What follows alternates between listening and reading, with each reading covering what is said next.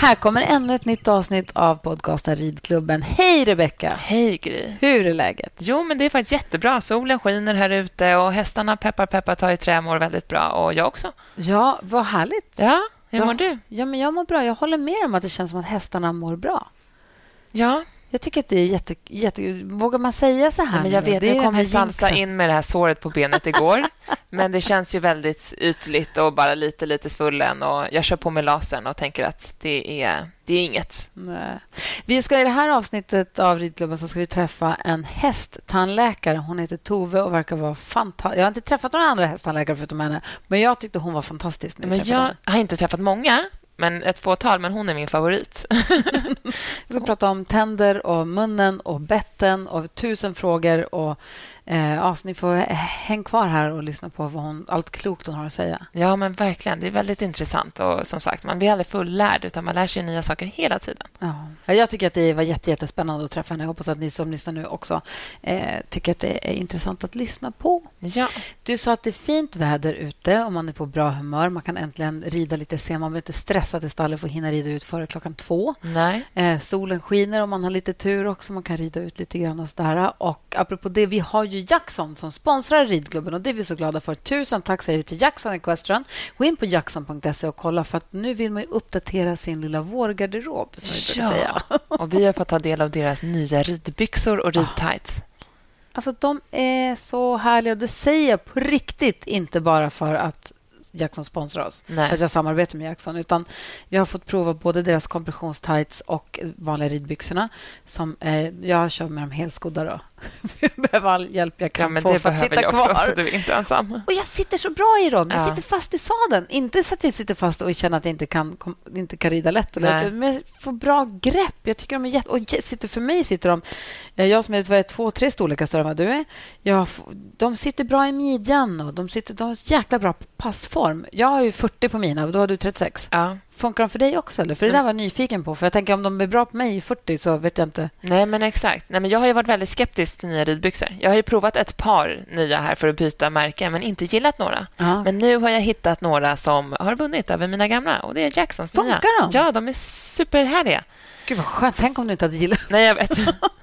Det hade varit jobbigt. Men jag gör verkligen ja. det. Och Först provade jag tightsen, som är supersköna och höga i linningen. Och ja. De sitter kvar. Ja. För tights jag provat innan upplever jag att de sitter kvar i sadeln och jag hoppar typ ur dem. Att Det känns som att jag ska tappa dem, att jag får häng. Liksom. Och Det är inte härligt. Nej. Men det får jag inte med Jacksons. De sitter verkligen som en smäck. Och Sen då provade jag ridbyxorna och hoppade i dem igår. Och De är också lika, lika bra, om inte bättre. Gud, vad roligt. Vad glad jag blir. Ja, men jag med. Det blir man ju glad för. Ja. Och glatt är också att om du lyssnar på podden nu när den är precis nysläppt, det finns ju kanske några som lyssnar på den i efterhand, då är det tyvärr mm. kanske för sent för den här gången. Men lyssnar du på podden nu när den precis kommer ut, nu här i april, så 2021, precis. så finns det just nu också en tävling på vårt Instagramkonto som heter Ridklubben-podden, där du kan vinna ett par härliga ridbrallor ja. ifrån jackson.se. Och gå in och titta på deras hemsida och kika på ridbyxorna och kolla runt på vad de har. De har ju massa grejer både för hästarna. De har benskydd och täcken och allt möjligt, schabrak och sånt. Sen så finns det jackor och tröjor och ridbrallor då, som vi verkligen rekommenderar. Verkligen. Så lyssnar du nu så har du till söndag den 25 april 2021. Ska vi säga något klockslag när vi stänger tävlingen? eller? Nej, det känns läskigt. Det känns det läskigt. någon gång på kvällen. Man vet aldrig vad gör man någonting den dagen. Men vi säger någon gång den 25. Någon gång den 25. Så in och anmäl dig så kan du vinna ett par av deras fantastiska ridbyxor. Du, apropå framåt i kalendern, hur ser det ut på tävlingsfronten nu för dig? Får du tävla? Ja, men jag får tävla. Får, jag, får Nicky tävla? Nej, det får Nej, Nicky får inte tävla. Nej. Barn har de inte öppnat upp för än. Inte i talande stund i alla fall. Inte i talande stund. Sen kan det, det svänger snabbt i en pandemi. Liksom. Mm. Eh, men just som det ser ut just nu, för jag har börjat tävla. Nästa vecka är min plan att jag ska åka till Sundbyholm. Oh. Så då är jag där med Sundbyholmsfamiljen, som vi kallar oss. Den här ja. veckan nu när podden släpps? Då? Exakt, så jag är där i talande stund. så att ja. säga. Så ni får följa med där. Och vet ni Okej, vi kommer till det sen. Påminn mig att vi ska prata om Diero, pappan till mitt ej födda föl. Men i alla fall, så då ska jag åka till Sundbyholm och tävla. Eh, och Det här blir då första tävlingen för mig på väldigt, väldigt länge. Och Ridsportförbundet har ju nu kommit ut med nya restriktioner eftersom att det var också ett eh, EHV1-utbrott för hästar här i Valencia. Det var därför ja. tävlingarna stängdes för hästar och inte mm. bara på grund av coronapandemin. Och Då har man ju något som heter för hästägarförsäkran. Och det är att du försäkrar när du anmäler dig till tävling att hästen inte har haft symptom eh, tre veckor innan tävlingsstart, tror jag det är. Mm. Eller vistats i ett stall där andra hästar har haft symptom. Och det lovar man ju alltid. Exakt, och det har ju alltid funnits. Liksom. Så det fortsätter ju att finnas. Men sen är det också nya regler att du ska tempa din häst fem dagar innan tävlingsdag. Och Då anteckna de här och ta med dig pappret och visa när du kommer fram till tävlingsplatsen. Men det går ju att fejka. Jo, det gör det, men det gör jag, man ju inte. Nej, gud nej. Jag bara menar att det är inte någon jätteförsäkring. Då. Men det är väl kanske att man skriver... Exakt, okay. det är med att man ska ha gjort det och skrivit mm. och tagit med sig till tävlingsplatsen. Och bor man kvar, då ska hästarna tempas morgon och kväll och lappen sitta på boxdörren då, så man fortsätter att fylla i.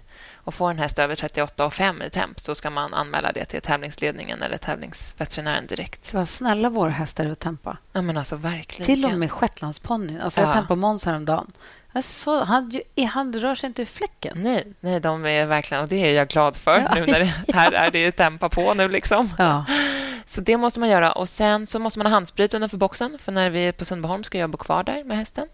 Så då måste jag handsprit mm. utanför boxen. Och, är du pirrig? Jag är jättepirrig. Jag måste börja packa. Och herregud, hur gör man? Hur länge ska liksom? du vara borta? Nej, men jag åker dit och jobbar lite också. Vi är ju ett gäng från stallet. Eller ett ja. gäng som brukar åka och jobba på Sundbyholm, vilket är så himla roligt och lärorikt. Så att vi åker på onsdag eftermiddag. Så bygger vi bana på onsdag kväll och sen så tävlar jag då salsa torsdag, fredag. Och sen är du så snäll och kommer och byter häst med mig. Så får Salsa åka hem och Neo kommer, så tävlar jag Neo lördag, söndag. Jag har aldrig varit i Sundbyholm, så jag tänkte att jag kommer dit, lämnar av en häst, stannar tio minuter, tittar lite och sen så åker jag iväg det. det är stort, så ta med dig cykeln om du ska in och titta på allt. Ja, okay. Gud, vad roligt. Jag vill också åka dit och vara där länge. Ja, men alltså jag hoppas och peppar, peppar att det blir av. För det, nej, jag ser verkligen fram emot att få börja tävla igen. Och det är, ju, det är inte så jättemånga startande nu eftersom att det är bara yrkesverksamma som får tävla. Så det är ju liksom Stephanie Holmén ska vara där och Sofia Farman ska vara där. Sofia Farman? Ja, hon har gården tillsammans med Zetterman. Ah. Eh, Magic Park Stables, tror jag att det heter. Hon är superduktig. Jag följer henne på Instagram. Hon är min stora eh, förebild just nu. Hon rider så tjusigt och fint och är så följsam. Du ska vinna över dem. Det blir kul. Det, det, det blir inte kul grej. Jag tänkte på det häromdagen också. För jag tömkörde ner och satte jag på musik för jag tänkte att jag ville lite mer liksom, ah, fräs i han, för att han är ju lite, men lite ljudkänslig. Liksom. Och Han travade fint och det var roligt. Så tänkte jag så här, undrar om det är därför jag inte vill vinna, för jag vill absolut inte rida ett ärvar med honom. Alltså jag springer hellre själv med en käpphäst framför... Nicky har gjort en käpphäst som ser ut som Neo. Oh, kan jag få låna den? Vi tar med den. Hon är en kopia av Neo. Ju. Just det, den här jättefina stora svarta. Den kan du ta med dig på ja, riktigt. Den tar jag det ska med inte stå i vägen för att du ska våga vinna klassen. Nej, om jag har med mig den, får låna den på ärvar, då vinner jag gärna. För du kan vinna. Jag tycker de ser, som sagt, jag tycker de ser så himla fina ut nu. Vi hade ju, vi hade tidigare avsnitt hade vi hade Minerals by Nordic som gäster i, i programmet. Mm. Så pratade vi om mat och kosttillskott och mineraler och allt sånt där. Och jag är ju så otroligt dålig på det där. Jag ja. tittar lite på alla andras foderstater och så frågar jag dig hur jag ska göra. Så gör jag som du säger. Ja. Um, och nu jag tittade på, jag kikade lite på häst. Alla ser så himla härliga ut. Och Då vet man inte hur mycket liksom fodret och så här, de här algerna och ja. müslin eller märsen som de äter och träningen. Men det är väl det kombinationen. Vi åker på vattenträning med ponnyn och hur de tränar och rider. Nicke har hoppat nu för Arnold Assarsson var här och hade kurs över helgen och sen så red hon för haking i häromdagen. Och peppar, peppar igen. Det, gick, det går så himla bra. De, det ser så himla kul ut. Och Det är samma när du, när du hoppade. Vi såg när du hoppade för Sylve här. Det känns som att... Så här, skitsamma oavsett hur det går på tävlingarna. Det ser kul ut. Ja, men, och det, det ser ut som att hästarna trivs. Och... Som du säger, det känns som att vi har ett harmoni i våra team. Mm. Att Det känns som att hästarna är så nöjda i sin vardagliga livsmiljö. Och Det är ju liksom inte att man betalar massa pengar och går och vattentränar eller ger dem massa tillskottsfoder. Eller, utan jag tror att det är bara att de känner sig trygga och lugna och att vi hanterar och rider och tränar dem på ett sunt sätt. Liksom. Att de får ut i hagen så länge det bara går när det är ljust ute. Ja, exakt. Men de får vara ute och man pysslar och gosar lite. Och... Sen är de ju väldigt fina i pälsen. Så här fina har de ju inte varit innan. Så Nej. det känns ju ändå som att... Ja, något. All rapsolja. ja, men rapsolja och sen de här mineralerna för ja. Minerals by Nordic. Jag tycker ja. att det känns som att nej, men de känns bra och de ja. håller sig fina hullet och glänser. Och, ja, som sagt, peppar, peppar. Vågar knappt säga någonting för de blir väl jinxat det här till min första tävlingsstart. Gud, vad kände att det blev läskigt. Men det är jobbigt att prata om saker som går bra. Ja. Varför är det så? Egentligen? Jag vet inte. Men jag hoppas att du just nu då i Sundbyholm har det kul. Och Du kan väl lova att uppdatera på Instagramkontot Ridklubben-podden? Ja, och jag Alltså jag sitter ju som på nålar nu för att min sto ska få ett föl. Just det, det var det du ville prata om, Gero. Vilken dag som helst. Alltså det här är nästan jobbigare än att få barn själv, Gry. Nej, det tror jag inte. Jo, men lite. För det här är ingenting jag kan påverka eller göra någonting åt överhuvudtaget. Nej. Och så läser man ju då lite, jag är med i avelsforum på Facebook och sånt där. Och då läser man om föl som söker ammor och att det var någon som försvann. Och men du vet, det är så hemskt. Usch, jag börjar gråta bara jag tänker på det. Och bara så, det får inte hända. Nej. Så jag är så pirrig och vill bara att hon ska få det här fölet nu och att alla ska må bra så att jag kan slappna av lite och njuta. För just nu är det jobbigt. Men i alla fall, pappan till fölet är Dierolux N som Stefan är den här svarta fantastiska hingsten som Stefan rider. Och hon ska dit och tävla. Nej, du kommer få Jag kommer få den. se honom in real life. Alltså, jag är så glad. jag började ju liksom följa honom när han var unghäst och Karl Walter Fox, Stefanis kille, tävlade honom. Ja. Redan då såg jag att det där är en jäkla drömhäst. En mm. sån skulle jag vilja ha en vacker dag. Och nu kanske jag ska få en egen. Jag håller så mycket tummen att du får det. Ja, och har ni inte varit inne och tittat på Stefanis Instagram där hon travar honom på deras naturbana så gör det för att han travar tjusigt. Alltså Charlotte Hyde Bondgard till och med skrev att om han inte vill hoppa längre så vill jag ha honom som dressyrhäst. Han verkar dock hoppa som en stjärna fortfarande. Gud, vad härligt. Ja, men så himla roligt. Ja, nästa avsnitt får du berätta allt för just den stora Sundbyholmsrapporten. Ja, då är jag också på Sundbyholm den veckan. Jaha, för jag är där en vecka och sen är jag hemma en vecka och sen åker jag dit en vecka till. Du jobbar du aldrig vanligt? Jo, men jag gör ju typ det. Jag har tagit lite tjänstledigt för att vinna tävlingar. Det var tydligen viktigt från chefen. Ja. Se till att vinna. Okay, bra. Ja, men stort lycka till. Ja, men tack nu ska vi in i hästens mun. Vi ska prata med tandläkaren Tove Särkinen.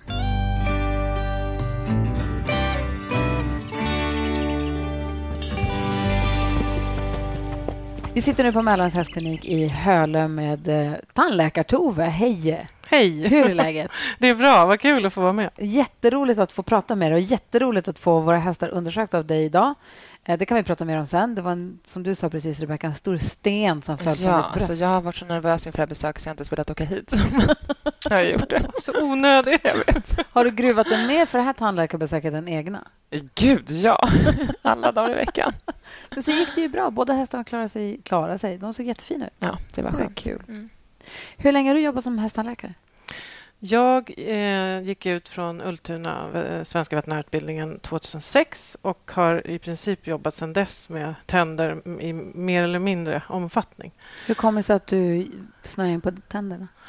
Det var faktiskt eh, sista året på utbildningen så kunde man gå en valbar kurs. och det var veterinärutbildningen? Ja, precis. Ja. Förlåt, den svenska veterinärutbildningen ja. på Ultuna, eh, Sveriges lantbruksuniversitet. Men då, då, då hade vi en valbar kurs som man kunde gå och den hette Hästens tänder grundkurs. Och jag blev helt fast redan då. Men sen har jag jobbat med massa andra saker också. Eh, men jag har hela tiden hållit kvar det här och gjort det liksom lite vid sidan av. För att då när jag gick ut, och det, det är inte så länge sedan, men då var det inte så vanligt att man gjorde så grundliga undersökningar faktiskt. Utan det har vuxit fram kanske under de senaste 15 åren, tycker jag. Ja. Och sen fick du vidareutbilda dig då till tandläkare? Eller hur? Ja. Det var den kursen? Eller? Nej, nej, nej, sen har jag gått eh, vidareutbildning också via Lantbruksuniversitetet som är de som håller i den i Sverige. Eh, och Det finns tre delkurser och jag har gått två, så jag har en tredje kvar innan man kan kalla sig liksom färdig specialist då, under svenska förhållanden. För Som du precis var inne på, där, det har hänt så himla mycket med tandvård för hästar. När jag hade min ponny 80 fyra. Mm. då, var, då var det typ hovslagaren som raspade tänderna på dem någon gång om ja. året kanske. Jag tror det var hovslagaren eller om det var veterinären. Ja, men det var, nej, det någon var raspade tänderna och that's it. Liksom. Sen var det inte så mycket mer. Ja, men jag kommer ihåg det på 90-talet när jag själv, innan jag började plugga, hade egna hästar så var det faktiskt hovslagaren som drog in en rasp utan att ge något lugnande. Han bara höll i grimman. Ibland satte man på en brems om hästen bråkade, vilket man kan förstå. ja, det låter helt sjukt. Men så det har hänt enormt mycket på den här korta tiden. Jag menar, jag ser mig fortfarande som en ganska ung person, men jag kan ändå tänka tillbaka och se liksom, ja, förr så var det mycket sämre. Ja. För jag är ganska nybliven hästägare nu i den moderna tiden, sen efter djuraperioden. Nej, men, ja. och när, som när du, Rebecka, nu sa så här, Gud, bla, bla, bla, tandläkaren. Då, för mig var det som en blixt från klar himmel. Jag tänkte, jag har inte ens tänkt, jag har inte ens tänkt tanken att ja, men det måste man ju boka in. Det är klart, det har jag inte ens tänkt på. Det måste man ju göra. Det var ju jättespännande att få...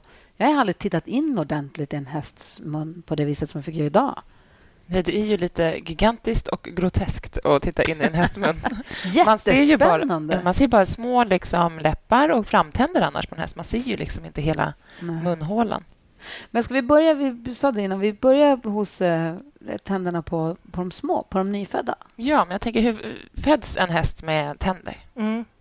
Eh, de föds med eh, de är på väg ut. Så oftast när man tittar på fölungar och tittar på framtänderna då är den alldeles blank och har bara slemhinna. Och sen inom de närmsta dagarna så brukar det bryta fram små framtänder. Ja, det är så gulligt. Föltänder. Ja, man har sett de här gulliga två fölframtänderna med lite glugg gärna. så gulligt. Men sen händer det inte... De, de har ju eh, tre kindtänder i vardera eh, överkäke och vardera underkäke, alltså tre på var sida, eh, som är mjölktänder. Och de bryter fram under en, den tiden efter att de har fötts. Eh, men sen händer det inte så jättemycket under det första året egentligen som, som, som besvärar hästen så där. Utan det som vi brukar eh, liksom rekommendera det är att om man ska använda hästarna i arbete så ska man absolut kolla tänderna innan de börjar eh, med bett i mun. Ja. Och jag tycker att det kan vara... Om de kan äta som vanligt innan? Ja, eller liksom precis. självklart. Har man något problem, märker man att hästen är bekymrad eller fölungen, det är klart att de kan födas med missbildningar eller, eller få en smäll. Det är ju vanligt på föl att de, att de skadar sig av trauma, alltså att de har fått en spark eller fallit illa och, och kanske får en fraktur. Och det, det, som du sa där, det är ju jättesvårt att titta in i en hästmun ja. när man eh, bara står där bredvid sin häst som hästägare. Det är ju egentligen är det helt omöjligt att kunna se hela munhålan på en vaken häst. Eh, så det finns ju väldigt mycket där inne som kan gå fel och som kan vara svårt att upptäcka. Är Men inte... är det sånt som kan gå fel som hade gått fel även om de var i det vilda eller sånt som kan gå fel för att vi åsamkar dem någonting? När vi pratar föltid så är det nog eh, inte vi som gör så mycket skada utan då brukar det vara som jag säger olyckor eller, eller att de är föd, föds med något problem. Men om man har en, en eh, äldre häst, då är det ganska mycket vi som ställer till det. Det får man ju säga, med utrustning och så vidare. För, förlungarna de diar ju från början. Hur länge mm. diar de? Ja, de diar minst ett halvår i regel och, och mycket längre i naturen. Ja. Eh, svensk djurskyddslag säger att man ska låta dem gå med stået eh, tror jag, till, se till sex månaders ålder. Ja, men jag tror också till sex månaders ja. ålder. Eh, jag vet inte om de har ändrat det nu, det nya, men jag tror inte det. Eh, men, men det är bra att låta dem gå längre med mamman. Om allt går som det ska så ska du få ett följ under våren, ja, Det är därför hon är så nyfiken. Ah, jag har inte hemma hos mig själv, så jag kommer inte vara med om liksom, följningen och sånt där. Men ändå, synd. man är ju väldigt nyfiken. Liksom. Ja.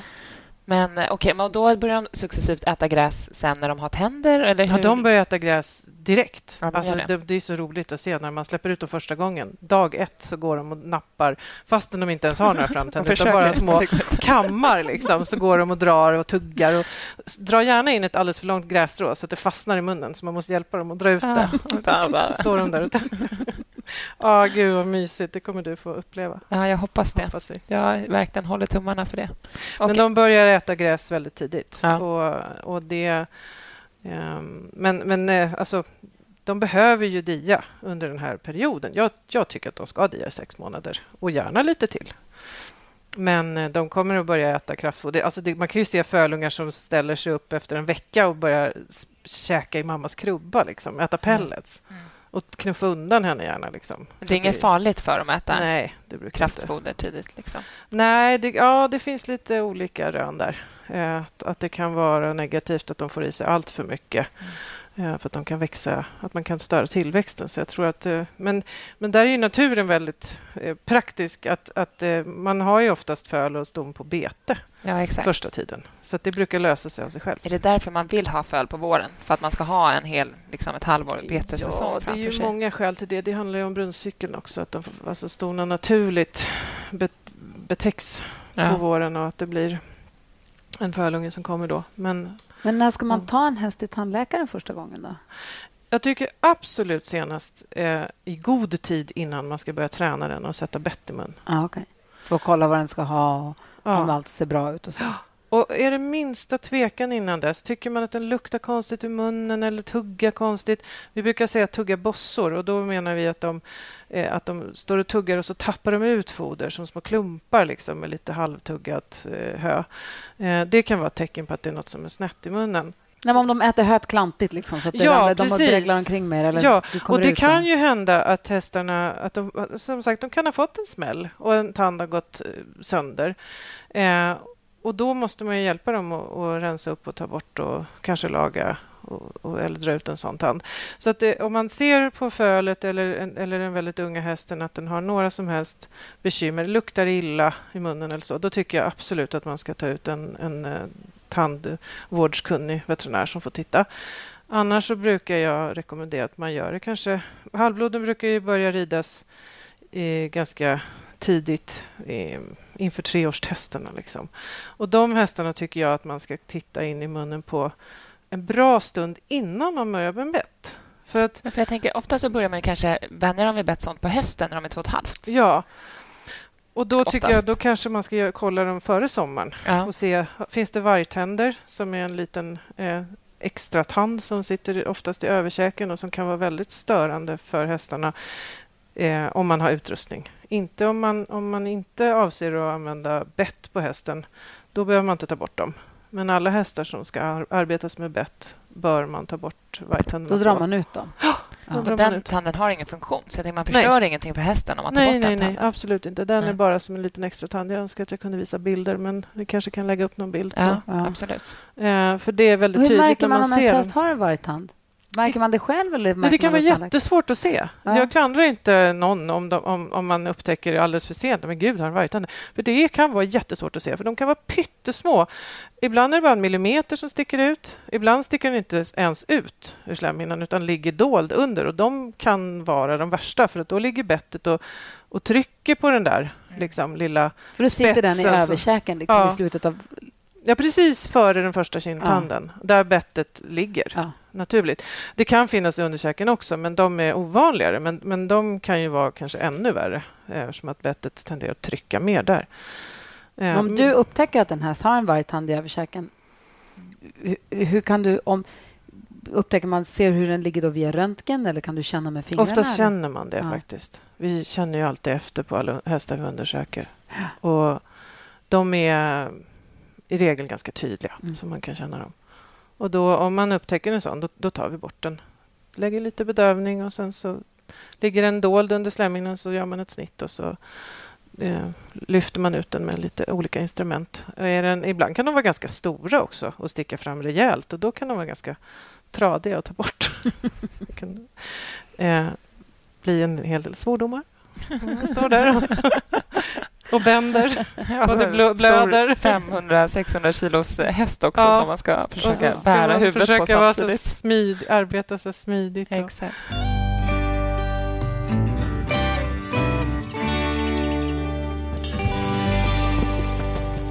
Men förr sa man ju alltid att när man ska börja vänja hästarna med bett så ska man ha ett tjockt tvådelat bett. Mm. Djupsuck. jag tror ju inte man sa det, det förut därför att hästarna skulle ha något att suga tag på. Typ, ja, det skulle vara snällt och det skulle vara tjockt så att det inte skulle trycka. Ja, jag vet jag, faktiskt inte. Vad det är helt säger ologiskt. Nej, men vi, nu är vi ju, säger vi kanske rakt tvärt emot. Det ska gärna vara ett rakt eller oledat bett eh, och, och tunt.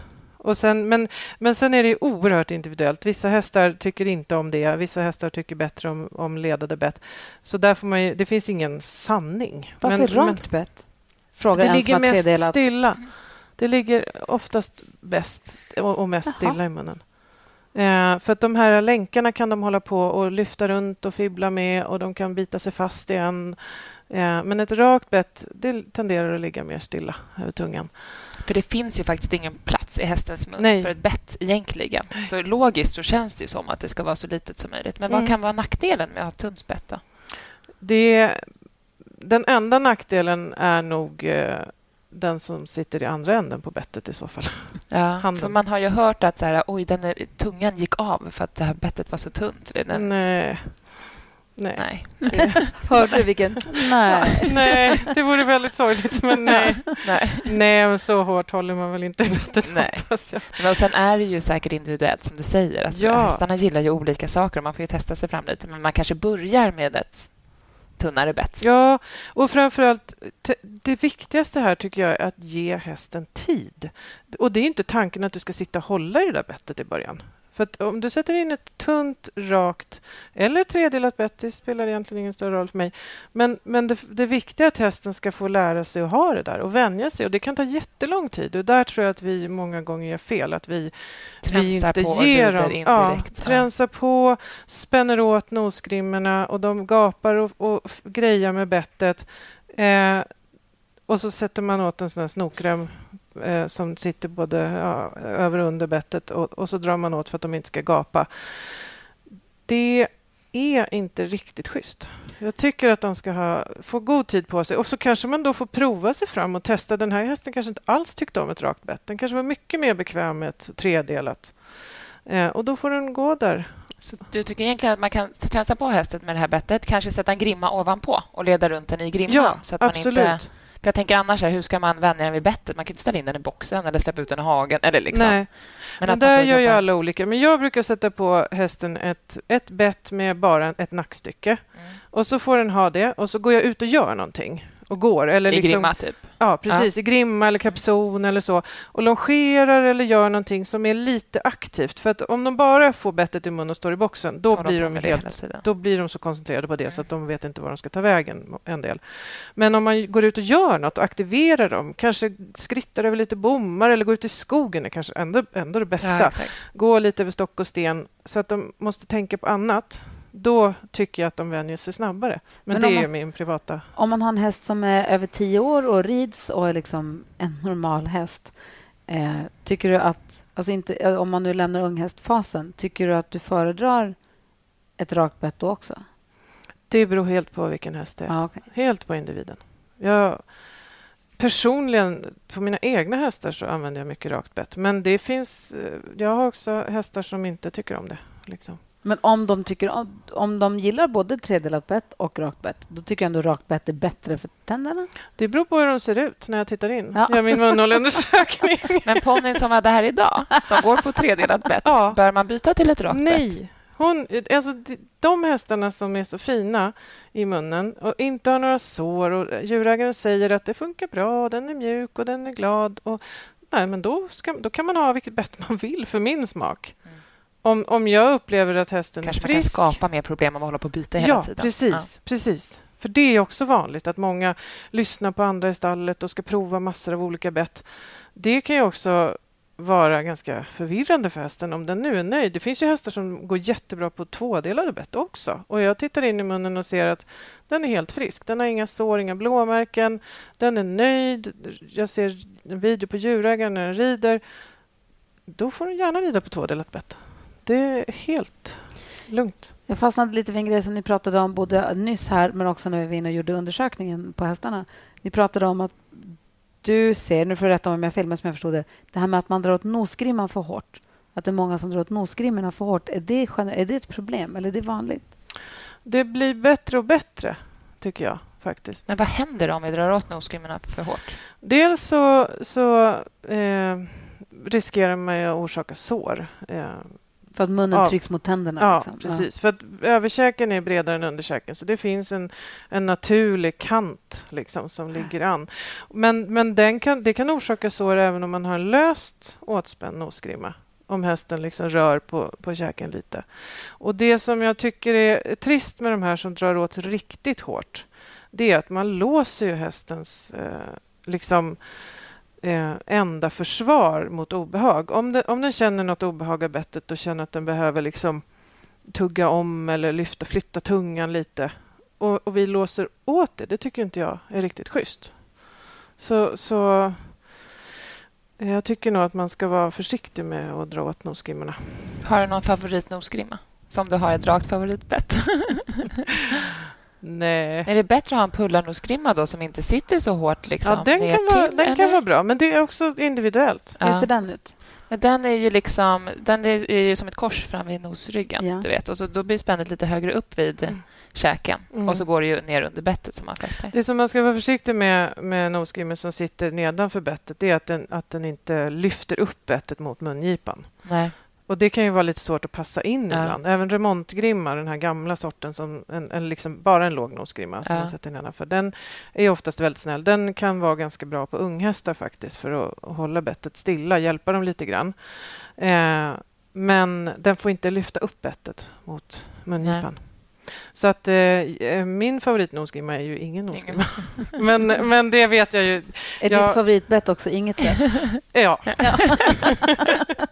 Fast jag rider på bett och jag rider med nosgrimma. Eh, men, men om jag ska säga en sak som är ett, ett bra tips och det är att variera. Att, att Vilket då? Vad ska vi variera nu? Vi skulle inte variera bett. Jo, men det Jaha. kan ni göra. Nej, men om, om, man nu, om man rider en häst som man kanske ska tävla i dressyr och så måste man ha kandar då, då tycker jag ja, då ska man vara noggrann med att passa till kandaret så att det är Okej, okay, om vi backa lite då. När kan man börja använda kandar på en häst? Kan man göra det hur tidigt då? Eller liksom när... Ja, men den ska ju vara välutbildad. Det är ju högre utbildade hästar som, som man använder kandar på. Mm, det finns ingen så här, man får inte ha kandar den ska få ut sju? Nej, liksom. man får inte tävla på kandar för tidigt. Men jag vet faktiskt inte vad reglerna säger i Sverige. Nej. Jag är inte någon jag läste, tävlingsmänniska själv. Men jag tror jag läste någonstans att hästarna ska ha gott förtroende för ett vanligt trendspett. Mm. Liksom, och man ska ju mm. vara välutbildad den nu som rider. Nu går fläktarna igång. Mm. nu går fläktarna Ifall det är så att det hörs igenom så är det fläktarna på kontoret ja, på exakt. kliniken som går igång. Ja, gud, jag hör inte ja. jättemycket. Vi får se. Um, nej, men Alltså, man kanske också kan fråga sin tränare om man nu är ja, sugen på att testa. Precis, jag. absolut. Och, och, men det, det kräver ju stor kunskap hos ryttaren att rida med kandar och det kräver att man har passat till det väldigt väl till hästen, till individen. Vissa hästar har jättesvårt att få plats med alla dessa bett för det blir ju mycket som ska in i den där lilla munnen. Ja, förlåt, säg klart. Men då tänker jag att, att eh, om man nu tävlar på, på den nivån då tycker jag att man kan ha kandaret när man tävlar och när man kanske tränar liksom tävlingsmoment. Eh, typ. Ja, precis. Ja. Och, och, det är liksom skarpt läge. Eh, men sen så ska man ju ha ett, ett vardagsträns som man rider på när man är ute och joggar eller så. Det får jättegärna vara ett träns utan bett. ett bettlöst alternativ, om det är möjligt. Eh, och sen kanske man har ett, ett rakt bett. För om, man, om man har en häst som man ändå måste rida med bett hela tiden. Säg att vi har en, en ponny med en, en lite tuff och stark ponny som är lite busig. Eh, och så hittar vi sår i mungiporna eller någonting. Då brukar jag säga att ja, men, vi kanske inte kan komma undan att ha bett. Vi måste ha det. Men då kan man lösa problemet genom att variera sig. Att man har kanske två olika bett som, som ger tryck på olika punkter på olika nivåer för att undvika de här såren. Det var lite som du sa med din häst, att ni bytte bett. Ja, exakt. För att och, och förändra tryckpunkterna. Ja. Och bytte längd hon på hade ju, Hon var hos tandläkaren innan sommaren och hade ju ganska mycket sår i mungiporna, eller liksom ovanför mungiporna. Typ. På insidan? Exakt, för att man förmodligen kanske rider på för långt bett som kan ge mm. sådana sår. Och man vill inte att sina hästar ska ha ont, så då red jag ju på Hackamore ganska länge, för hon går helt okej på det. Men det är ändå också svårt, det här sista ställ, få igenom ställningen. Det, här sista, det tycker jag är svårt på mm. Hackamore. Det, man kan säkert träna sig till att bli mycket bättre på det. Ja, fast jag tror att det är svårt. Men du fick ju också rådet att, att du kunde variera med ett Exakt. annat bett. Och det är just, där är hemligheten variation. Mm. För att om du sitter och rider på samma bett sju dagar i veckan och hästen är lite pigg och stark, då blir det ett konstant tryck. Hur snäll du än är och hur fint och snällt och perfekt tillpassat bett du än har så, så kommer det liksom. alltid ja. vara ett konstant tryck på samma punkt. Mm. Och Då kan det vara lämpligt att, att ha ett annat bett att varva med som Men, inte ger tryck på samma ställe. Du säger ändå typ tre alternativ är vettigt ja. att varva med. Ja, jag bara tänker så att folk inte säger jag har tio bett, de varvar nej, jag med. Nej, nej, det behövs inte. Nej, nej men jag, jag brukar generellt säga att går det att rida bettlöst är det superbra att ha ett bettlöst alternativ. Eller så kanske man kan jobba hästen eh, från marken en dag i veckan med en kapson eller någonting annat som inte har bett. Eh, och sen så har man sitt tävlingsträns med det bettet som funkar bäst för tävlingen. Och sen har man ett vardagsträns och då kanske det kan vara ett rakt bett om den här individen tycker om och det. Det blir inte förvirrat då för hästen? Nej. Ja, ja det är samma sak där. Individen. Är det ja. så att den inte trivs med något annat än ett rakt bett, rid på det då. Men, men jag tycker att det oftast går att hitta en lösning för nästan alla hästar. Och det är så otroligt... När jag började för 15 år sedan, då var jag väldigt nog... Då var jag lite mer så här, fyrkantig och liksom tyckte att prova de här betten, de är bra. Nu känner jag att, att jag låter... Alltså vi måste vara mer flexibla. Vi får prova oss fram. Och Det finns de som kanske trivs bäst som sagt på ett tvådelat, lite tjockare bett ja, då ska inte jag säga att det är dåligt bara för att det står så i, i boken. Om man har ett, ett bett som man tycker det här funkar bra och så rider man på det bettet, borde man ha ett till att variera med bara för att ge hästen variation eller kan man, Nej. om det funkar så är det lugnt? Eller? Om vi tittar in i munnen och ser att det ser alldeles utmärkt ut, då tycker jag inte man behöver ha något Nej. annat. Det, det är först när man börjar se... till det. Liksom. Nej, precis. Nej. För det är så jag... När jag tittar på hästarna, när jag undersöker hästar här, eh, har de skador som jag kan relatera till bett och utrustning, då ber jag alltid att få se bett och utrustning och så hjälps vi åt att försöka prova in och, och ja, kommer med råd. Men är det så att de är helt perfekta, som, ja, som era hästar faktiskt var idag, då har inte jag så mycket åsikter om utrustningen. Vilka är de vanligaste skadorna som du ser när du gör rutinkontroller? Det är sår i mungiporna och eh, sår i kinderna eh, av nosgrimma. Och sen så ser jag ganska mycket att, den, att eh, eh, slemhinnan vid den första kindtanden i underkäken har liksom dragit sig tillbaka eh, av tryck. Alltså, att det har, alltså som tandköttet kryper ja, precis, tillbaka tand, lite? Ja, som, som vi kan få av ja. tand... Som snusare kan få? Ja, precis. Precis. Och det ja. kan hästarna få av att eh, bettet har legat och nött där. Mm. Att tandhalsarna liksom blir blottade ja, lite grann. Precis. Lite grann. Nu har jag inte hästar tandhalsar Nej, men, alltså, men, det, men, men, känslan. men det som kan hända där är att det kan bli fickor och så kan Aha. det ansamlas skräp och så kan, eller foderrester och så kan det bli inflammation och så får de besvär av det. Ja, men, Vad brukar sår i mungiporna komma sig av då? Är det Ofta är det för långt bett? Eller? För långt bett. Det kanske i kombination med handen eller att hästen är eh, väldigt het och svår. Ja, ibland kan det faktiskt bero på hälta, frambenshälta. Att mm -hmm. hästen går och har ont eh, och hänger sig fast jättemycket i ena sidan eller så. Då kan man också se sår som kan försvinna när man har rättat till det. Så man får aldrig glömma att det hänger ihop. Det är samma sak där. Jag tycker att jag kan se hästar som har eh, symptom från munnen, att de kan gå och slå med huvudet och vara irriterade och svåra. Och så kanske man provar ut en ny sadel och så blir det bra. Så det behöver inte alltid vara så att, att det är munnen som är problemet utan de kan visa i munnen att jag är inte bekväm. Eller slår de typ med huvudet, då kan man ju tro att det är munnen. Eller ja, förstår precis, du? Ja. de kanske slår med huvudet det... på grund av någonting helt annat. Ja, att de kanske är spända eller stela eller har ont eller sadeln trycker. Eller... Och sen är det ju självklart så att att man ska alltid sträva efter att ha en så mjuk hand som möjligt. Men det vet ju alla ryttare att har man en häst som är jättebusig och pigg och man är ju tvungen att hålla, hålla in den emellanåt. Liksom. Så. Men det brukar alltid finnas eh, någonting att, att liksom, göra för alla hästar, tycker jag, när man står så här och undersöker. Det är det som är så roligt med det här jobbet. Och det här som vi nämnde inledningsvis, att när jag då var liten och hade häst, då raspade man tänderna på dem. Det var hovslagaren eller veterinären som raspade, drog en rasp på dem. Så gör man inte alls längre. Nej, inte i Sverige. Eh, hoppas jag. För då händer vad då? Eh, man riskerar... Dels så, så, har man ingen aning om vad man gör. Man ser ju inte vad man raspar. Eh, målet med det var ju att få bort de här vassa emaljkanterna som, eller vassa kanterna som eh, eh, trycker mot utrustningen egentligen. Och man trodde nog att hästarna kunde ha svårt att tugga. Och emellanåt kunde man kanske komma åt och, och raspa bort någon stor hake fram till. Och det, det kunde säkert hjälpa för stunden. Men man kunde ju aldrig se långt bak, för de hästar som har stora hakar fram, de brukar ha motsvarande långt bak. Mm. Och det kommer man inte åt om man inte kan titta in ordentligt. Eh, och det man riskerade var ju att skada tänderna faktiskt. Att eh, skapa sprickor eller små frakturer eller kanske till och med komma för nära en, en pulpa, alltså en, en, eh, där, där nervvävnaden och blodtillförseln till tanden finns. Eh, och det smärtar ju väldigt mycket. Så att, ja, jag är väldigt glad att vi har gått ifrån det.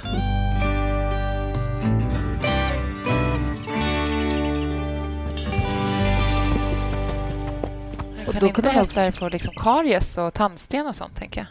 Jo, det är ganska vanligt med karies eh, och det är lite olika former. Eh, och det, det, är mer och mer så att vi faktiskt åtgärdar karies idag på hästar, att man till och med lagar tänderna. Va? Berätta! det är inte riktigt eh, mitt eh, område. Jag brukar remittera till min kollega för det. För Men vad har... lagar man med då? Ja, i princip samma material som man använder på människor, fast lite större mängder då. Nej. Som att trycka in så här, vad heter det, häftmassa? Vad heter det? I princip så. häftmassa. Jag är så Men gammal ju... så jag gör lagningar av amalgam. Det kan jag inte tänka Nej, mig att det är aktuellt tror jag längre. vi skippar bästarna. Men det kan ju vara, det är inte så ovanligt att de får karies eh, i den första kindtanden eh, i överkäken. Och... Ja, vadå? Alltså man ger väl, förr gav man hästarna sockerbiter, det gör ja, man inte längre. fast det är inte riktigt samma på alltså, hästar. Vad... Nej, där har vad man... får de det av? Det, det, det är faktiskt inte riktigt säkerställt. Det är må många som håller på att studera det här just nu. Bland annat här i Sverige så finns det pågående studier. Eh, del, till viss del så tror man att det handlar om bakteriefloran i munnen, precis som på människor. Mm. Att vissa individer har eh, större risk att utveckla karies än andra. Eh, till viss del så kan det bero på foder eh, och, och där är inte heller säkerställt riktigt vilka foder som skulle kunna utlösa det här. Eh, och någon, någon studie har pekat på pH i vattnet, i mm. grundvattnet som hästarna dricker. Eller någon studie, jag ska säga det är nog mera erfarenheter att man har sett att hästar som har flyttat från ett område till ett annat har liksom att det har stannat av processen. Och det kan det göra. Det är det som är det fina. Eh, så det, det, är inte riktigt klarlagt faktiskt, eh, orsaks, orsaker och verkan. Men på oss människor, vi kan ju ta tuggummi med xylitol i som motverkar eller balanserar upp pH-värdena av ja. allt det här. Hundar kan man ge tuggben som rensar lite tänderna eller de äter morötter för att rensa tänderna. Mm. Finns det någonting man kan göra för att hjälpa sin häst att hålla ja. en god munhygien? Ge ett, god, ett eh, grovfoder av god kvalitet. Det är det absolut bästa. Och Många rekommenderar att undvika pelleterat foder, alltså sånt som kan klistra sig fast och fastna lättare i tänderna.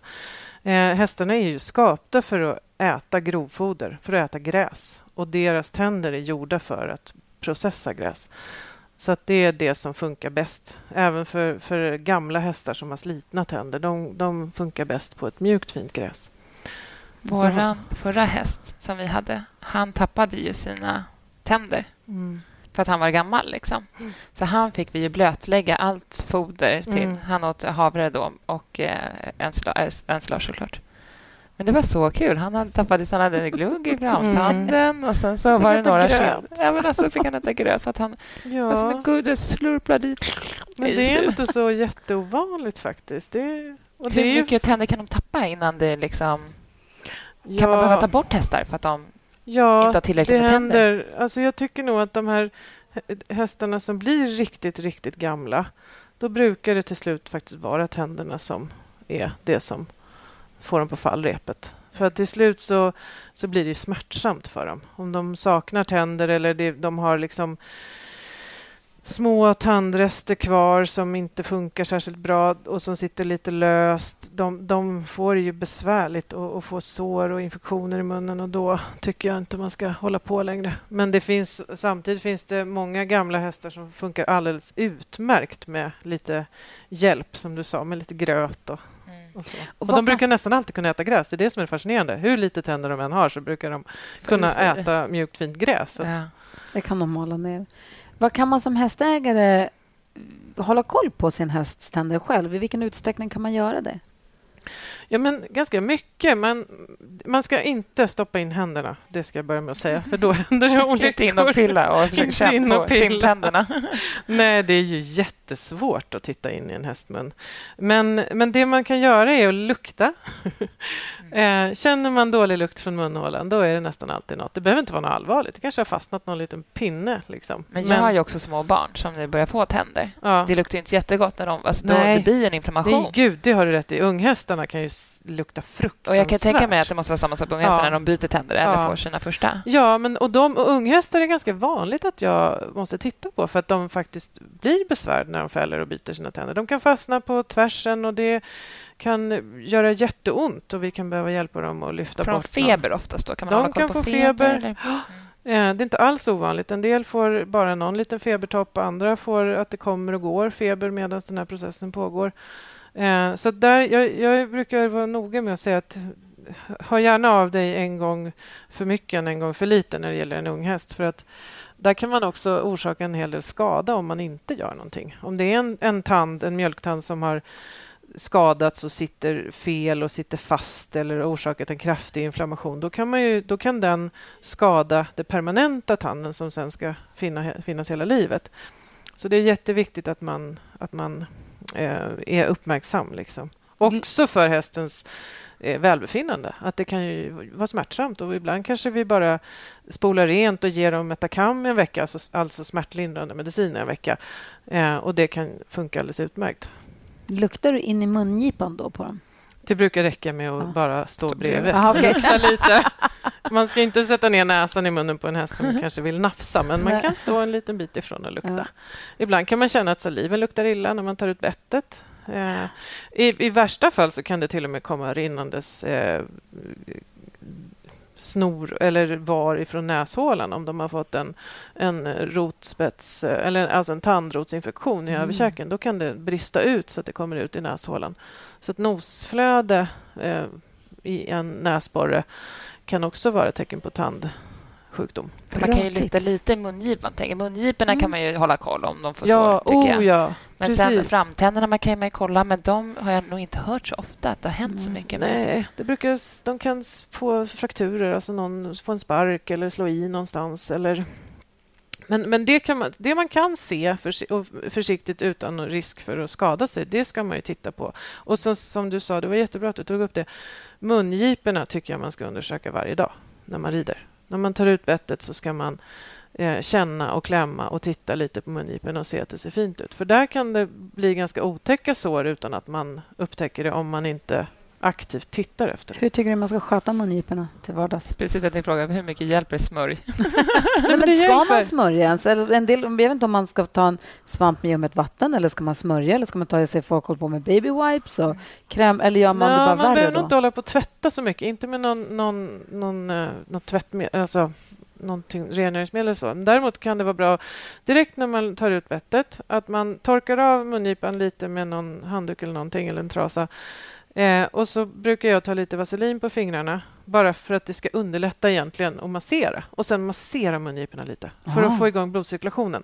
För det som händer när bettet ligger an under en hel ridtur det är att det faktiskt blir lite syrebrist i vävnaden av trycket. Aha. Så att om man tittar i mungipan på hästar som rids med bett så har de nästan alltid en vit fläck där bettet ligger. Och det är att pigmentcellerna har dött av av trycket. Det låter så hemskt. Ja, men det, det, det låter är inte alls inte, kul. Det är inte hålla på? Va? Nej, men det Nej. låter inte det Men låter det, man kan hjälpa, där kan man hjälpa hästen. Det är jättelätt. Ja. Och många hästar tycker att det här är mysigt. Att det men, blir som en liten uh, rutin. Liksom. För när jag själv har vaselin på läpparna då tycker jag att de blir bara torrare. Ja. det finns ingen risk att jag torkar ut hästen genom att Nej, jag men håller det på. Det menar att om man sätter kräm att det blir värre då? Exakt. Man, man behöver inte ens ha vaselin. Alltså man kan bara ta med fingrarna. Bara men tar man lite, Alltså hästar som är väldigt torra brukar jag säga att ha någon, någon fet salva. Det spelar ingen roll vilken. Eh, de brukar inte... Jag har aldrig sett något negativt av vaselin. Men som sagt, det, det är bara beprövad erfarenhet. Det finns ingen vetenskap bakom det. Och Hur får de de här såren i mungiporna? Är det bettet eller är det, byter de sig själva? Eller hur uppstår det? är bettet.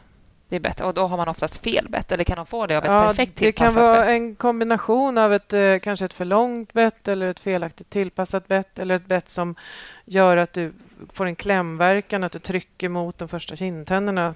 Eh, det kan vara för att man kanske måste hålla hårt i hästen eller att det är en för hård hand. Det är tråkigt att behöva säga, men... Mm, det... Är det bättre då med fasta ringar än... Jag tänker ledade ringar, att de då kan nypas? Det är ganska sällan Eller? det gör det. Man ah, pratar okay. ju ofta om det, ah. men det är sällan jag ser det. Um, det, det, är högst individuellt, tycker jag. Jag tycker faktiskt att det Ja, det beror på individen om de ja. gillar fasta ringar eller lösa. På unga hästar brukar jag tycka om att ha fasta ringar och ganska stora bettringar för att ha lite extra hjälp. Liksom. Att ja. det blir lite mera att lite tryck liksom, ja, att komma och att åt. bettet säkert ligger mer still mm. i munnen då, Ja, eller? precis. Så kika på det som man kan kika och sen lukta lite i, i munnen på dem. Mm. Eh, kolla näsan, eller nosborrarna, mm. och mungiporna. Sen visade du oss idag när du, när du behandlade våra hästar var käkleden på hästen sitter. Det hade jag ingen aning om. Berätta var den sitter. Kan man hålla koll på den Det är svårt själv? att inte visa på någon bild. Nej, vi visade ju det när den filmade, så vi kan lägga ut det på ja, sociala medier. Bra. Vi ja. på, så förklara efter bästa förmåga. Så lägger ja, också den sitter ju mycket högre upp och längre bak än vad man tror, tror jag. Du oh, blev ja. ju den förvånad. Den satt ju typ uppe ja. i våra tinningar. Ja, precis. Lite snett bakom nedanför ögat. Ja, exakt. Och man måste inte kunna känna exakt var den är. Men det jag tycker att man kan göra faktiskt eh, som komplement till det som du sa nu, Gry, att, eh, att man tittar och känner på eh, läppar och mun, det är att man kan känna av över hela huvudet. Liksom. Det gör jag automatiskt. Som ni såg när jag undersökte, att jag tog med händerna från öronen och ner och klämde och kände på underkäkens, under, underkäksgrenarna. Jag känner över nosryggen och man känner under ögonen och så.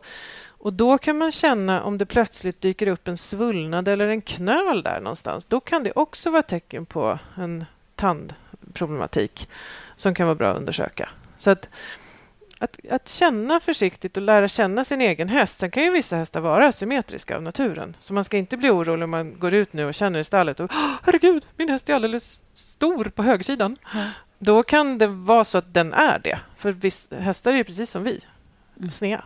Liksom. Typiskt. ja, men, men att man lär känna sin egen häst. Att, ja, men den har ju alltid varit lite skev här.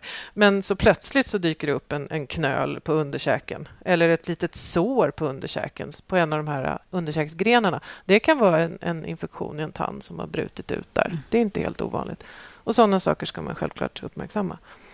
Eh, och så kan man försiktigt känna lite att, att hästen är rörlig liksom, i underkäken och överkäken mot varandra. Att man tar om hästen tillåter. Alla är inte jättenöjda med att man håller på och pillar med, med tänder och mun. Och Det behöver inte betyda att de har ont eller att de har någon skada utan de är av naturen har de ganska hög integritet och vill inte visa sin mun när de är vakna.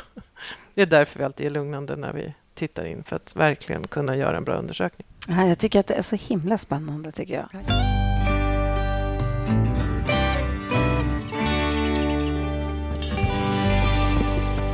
Jag har några frågor. Ja, kör. jag har egentligen jättemånga frågor. Men, okay, då många pratar ju om bett med tungfrihet. Hiss eller diss? Och varför ska man ha det? Det låter som att vi måste göra en bettspecial också. Ja, det ska vi göra sen. Jag måste bara ha svar på några bettfrågor. Diss. Diss. Varför? Ja, vad, är det, vad, är det, vad pratar vi om? En bett med tungfrihet, då går den ju liksom som en båge mitt ah, i bettet. Då mm. Men då tänker jag att då måste de där trycka ännu mer på lanerna, ja. eller? Det kan, och bågen tenderar att, att eh, trycka upp mot gommen och i gommen så finns det små tryckreceptorer, alltså små nervändar som signalerar till hästen att den ska lyfta på tungan och föra gräset bakåt i munnen. Aha. Så att håller man på och lägger ett tryck i gommen då, då, då talar man om för hästen att gapa. För många kandar bland annat är ju med tungfrihet. Ja. Och det är olyckligt, tycker jag. Varför ja. finns det en såna då? Det ger ju en extra skärpa, helt klart. Ja, okay. För det är som du säger okay. också, att det blir, skarpare, det blir ett liksom. tryck på lanerna och lanerna är extremt känsliga för tryck. Ja, okay. Det gör ont att lägga tryck där. Och Tandläkaren säger diss. Tandläkaren säger diss. Det här är också svårt. Ja, det kanske tandläkaren säger diss och sen så kanske den går jättebra att rida på det. Men det kanske ändå går att hitta ett annat och bättre alternativ. Men en kanske. låg port, man behöver inte ha dem höga. Och det, jag tycker att de moderna betten är mycket bättre utformade generellt. Ja, okay. Jag har några gamla bett hemma som jag har som en litet museum. Mm. Och De är helt hysteriska. Jag förstår inte ens hur hästen kunde ha dem i munnen. Men Nej. det var helt uppenbart att de kunde det. Ja. Jag har till och med själv ridit på den för 20 år sedan. Ja. Men okej, okay, och nästa fråga då. Mm. Det är förr sa man alltid att man skulle ha två veck i mungiporna när man hade bettet i.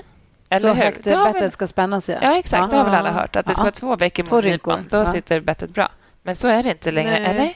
Det är myt. Det är en myt? Okej, okay. då slår vi hål på den myten nu. Ja, det ska, ju, det ska ju sitta bekvämt på hästen och det är ju inte bekvämt att ha ett tryck som gör att, att att mungipan lyfts. Den ska ju, bettet ska ju ligga alldeles mjukt mot... Sen är det så att vissa hästar då hamnar bettet för lågt. Då kanske hästen försöker spotta ut det. Då får man nog lyfta det lite grann. Men det ska inte vara en massa väck där. Nej. Det, det är en gammal eh, tradition som jag faktiskt inte riktigt vet varför man har sagt så. så ja. inte så löst att de håller på och, och leker mer och ska ut mer och in mer. Utan... att det kommer sig av att man hade mycket längre bett då. Och de ja. betten de var man tvungen still. att lyfta lite grann. För, och, och tvådelade bett också. Om ni tänker er hur ett tvådelat bett ligger i munnen. Det blir som ett V. Mm. Och då, då måste man nästan lyfta nästan upp det lite. Annars blir det jättekonstigt. Mm. Ja, så jag tror att det kommer sig av den. Eh, det är ju också mycket lättare att passa till ett kort ett lagom kort bett. Mm. Det ligger ju mer stilla och det ligger mycket mer naturligt med det här lilla mjuka trycket mot mungipan. Kanske ska testa ett rakt bett på mun. Jag gör det. Ja, Testa. Det kan testa. säkert... Salsa har ju pyttemun, så hon, det kan säkert dela. ja, men testa. Okej, en fråga till. Om jag har en häst som stoppar tungan över bettet? Då är det någonting som den inte är nöjd med. Och vad gör jag då? Då går du och låter en eh, tandvårdskunnig veterinär undersöka hästen och så får ni tillsammans titta på finns det någonting som hästen är besvärad av. Har den kanske en vargtandsrest eller har den eh, något litet sår någonstans i munnen som besvärar den? Och så får man prova sig fram med annan utrustning. Men med det sagt så är det inte så att man alltid kan hjälpa hästen eller få bort det beteendet, för det kan också vara ett inlärt beteende att den här hästen kanske aldrig fick tid att lära sig att hantera ett bett när den var ung. Man stängde in eh, bettet med en kraftigt åtspänd nosgrimma och sen när man lossar på den nosgrimman för att man då har insett att men gud, så här hårt kan jag inte spänna nosgrimman, det är inte schysst. Och då börjar hästen att lyfta på bettet. Då kanske det är en gammal, en gammal, eh, ett gammalt minne. Liksom. Så det kan ta tid. Ibland det kan, kan det inte vara bara vara att den leker och tycker att, där, att den håller på latchar, utan det är nåt som är besvär? Jo, det kanske det kan vara, men, men eh, ofta så vill de ju inte hålla på. Det är ju, det är ju besvärande mm. att vifta med tungan. Så att det, det är oftast är det någonting som har liksom utlöst det beteendet. Ett, ett besvär. Det finns ju såna här liksom bett då som har att de inte kan lägga tungan över bettet. Kan det vara, jag tänker om man har testat ut bett och alltihopa, att de är, det är ett bra bett för just den hästen. Mm. Kan det vara ett alternativ för att här, bryta den trenden? Eller jag har aldrig liksom sett att det riktigt har fungerat i längden. Nej. Alltså det kan kanske avhjälpa problemet för Just tillfället det. men, men de, många av de betten är ganska, tar ganska mycket plats i munnen. Och det är ju... I längden blir inte det riktigt bra. Så att jag tycker att man ska försöka hitta ett, ett, en utrustning som hästen är nöjd med. Och det brukar gå i de allra flesta fall att hitta. Mm. Och någon häst faktiskt såg jag som, hade, som höll på så. Och den hade en vargtand i underkäken på ena sidan. Och, och var, när vi tog bort den så slutade den lägga tungan över bettet. Och Då hade jag ändå sagt innan att ja, men den här vargtanden tror jag inte den är besvärad av. Mm.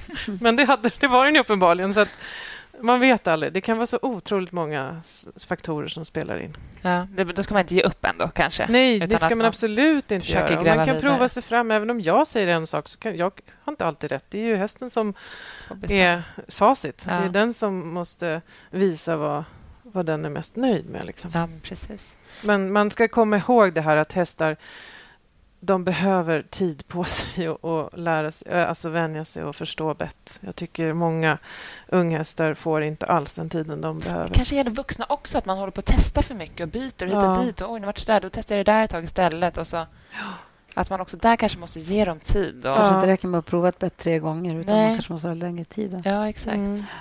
Så länge det är ett bra bett som passar hästen. Ja, precis. Eller liksom. annars fortsätter man för länge kan det säkert också ge mer skada. Om man... Ja, och det får ju aldrig bli farligt heller. Det är jätteviktigt att man att man, om, om jag nu har sagt ja men prova en pelhamstång på den här hästen. Prova hem. De bara, jag har ramlat av. Ja, precis. och så går de hem och så rider de och så blir hästen jätteskrämd och, och så skenar. Då känner inte jag att då ska de inte fortsätta med det. Nej.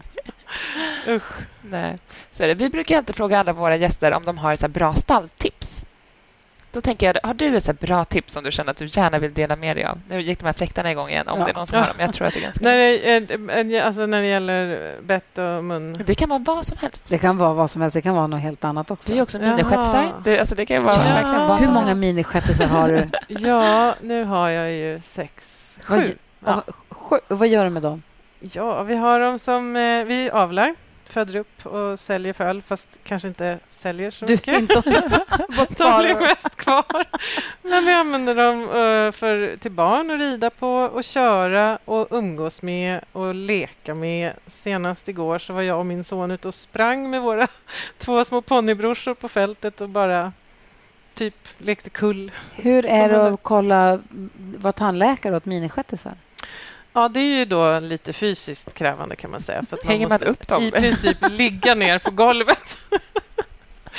ja, jag önskar att jag hade ett så höj och sänkbart bord. Nej, men det, det, är lite trixigt. Man måste sitta väldigt eh, lågt ner på knä och jobba. Men eh, det brukar gå bra. Kan inte du snälla höra av dig när det kommer föl nästa gång? Jo, i år kommer det inga föl. Nej. Men Oh, jag hade inte kunnat handskas med ett miniskötesfäll i och för sig. Jag hade inte kunnat bete mig. Jag förstår det. Det kan oh. ju knappt jag. Det är därför de blir kvar. underbara. Nej, men mitt bästa, mitt bästa stalltips det är nog ändå det här med att om, alltså när man har ridit, att eh, massera mungiporna på hästen. Det mm. säger jag till alla nu. Mm. Alla i mitt stall, till alla mina kunder. Jag tycker det är, är bra. För att dels så, så hjälper man hästen direkt när man tar ut bettet, man torkar av och masserar. Och så får man också en känsla för om det finns någon skada där. För det kan vara svårt att se, men man kan känna med fingrarna. Och skulle man få blod på fingret, ja, då får man ta fram en ficklampa och, och vända ut läppen och titta ordentligt. Så men att, bara med fingrarna lite mjukt en liten ja, stund, ingen jätte... Nej. Och passa så att man inte stoppar in fingrarna för långt och blir biten, självklart. Men man, man tar av tränset, Ta något litet mjukgörande kanske på fingrarna för att det ska bli lättare och så masserar man en liten stund. Och De flesta hästarna tycker att det är skönt och jag tror att man kan hjälpa dem att få mindre, eh, ja, mindre risk för en skada. Det är bra tips. Verkligen. Mina hästar får alltid mash direkt efter jag ridit. Mm. Jag måste vänja om dem i det här mm. så att de mm. inte tror att min hand är mash. Ja, det kan ju vara lite riskabelt. Man får ta tränset i skötspiltan innan man är nära krubban. Ja, men exakt. Mm. Men det, jag har ju lärt mig så mycket. Jag ja. tänker att man kanske ska smälta det här och sen kanske man ska göra ett till avsnitt och med något, en, någon bättre tillverkare. Eller? Mm. Men det känns som att det är lite mm. svårt att så här, Tandläkaren kanske säger en sak och sen säger de som tillverkar bett en sak och så säger min häst en tredje sak. Ja, men precis. Det skulle ändå vara härligt att ha kanske bett och att man har veterinär så att man kan få hjälp av båda. Eller? Och det är som du säger, det finns ju liksom inget facit. Du kan inte vara facit. och alltså, ingen, Man måste ju någonstans bara ta till sig all information man kan från alla håll och sen göra, prova sig fram och göra mm. sin egna sanning av det på något vis. Ja, exakt. Verkligen. Och, och låta hästen eh, tala om vad den tycker ja. också faktiskt. Men det låter så vettigt, allt det du säger. Jag är också glad över att få höra om den här utvecklingen vad gäller hästarnas mun, tandskötsel från hur det var på 80-talet bara och fram till nu. Mm. Eh, och vi pratade tidigare här om förr i tiden när man kanske raspade ner tänderna så mycket på hästar så att de inte kunde äta maten. Mm. Att de inte kunde... Alltså mm. de får illa på, på andra sätt av hur man gjorde. Absolut. Och det var ju det var ju bara det var okunskap. bara. Det var ingen som ville dem illa, såklart. Men eh, ja, det är häftigt. Jag är väldigt glad att få vara med om den här utvecklingen och fortsätta vara med om den. För det är säkert sånt som vi har pratat om idag kommer säkert att vara annorlunda om tio år. Mm. Liksom, när vi vet mer. Då kanske vi till och med vet varför de får karies och vi kan göra någonting åt det. Liksom. Så det allt det här som vi har pratat om, att det kan vara tänder som är vassa, har vassa kanter som skadar insidan på kinden till att det kan vara bettet som kan vara ett problem eller till ja, fodret som inte passar eller vad det nu kan vara.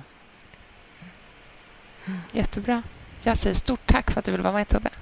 Tack. Det var ja, jätteroligt. Ja, det var jättekul att få prata med dig. Kul att hästarna var så fina i munnen. ja, jag är så... Jag också. Det, jag måste säga jag var väldigt glad och imponerad över din häst som hade haft sår, men det var borta. Ja, men alltså, tack. Det är det. Jag har inte velat åka hit nästan för att jag har haft en ångest, det... men så kände jag att jag måste ändå göra det där bara.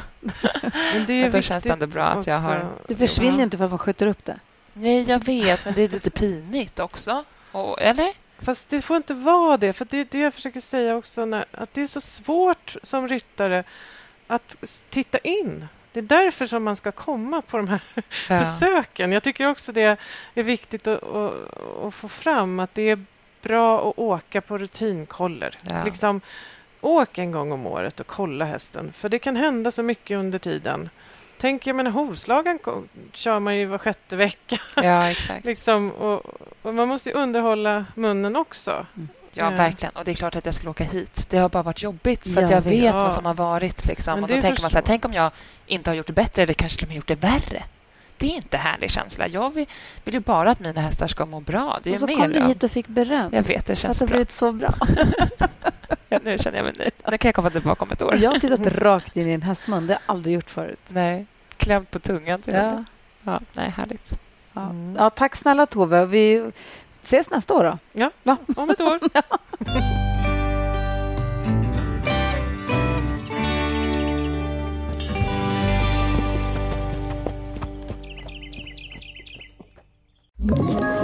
Ett poddtips från Podplay.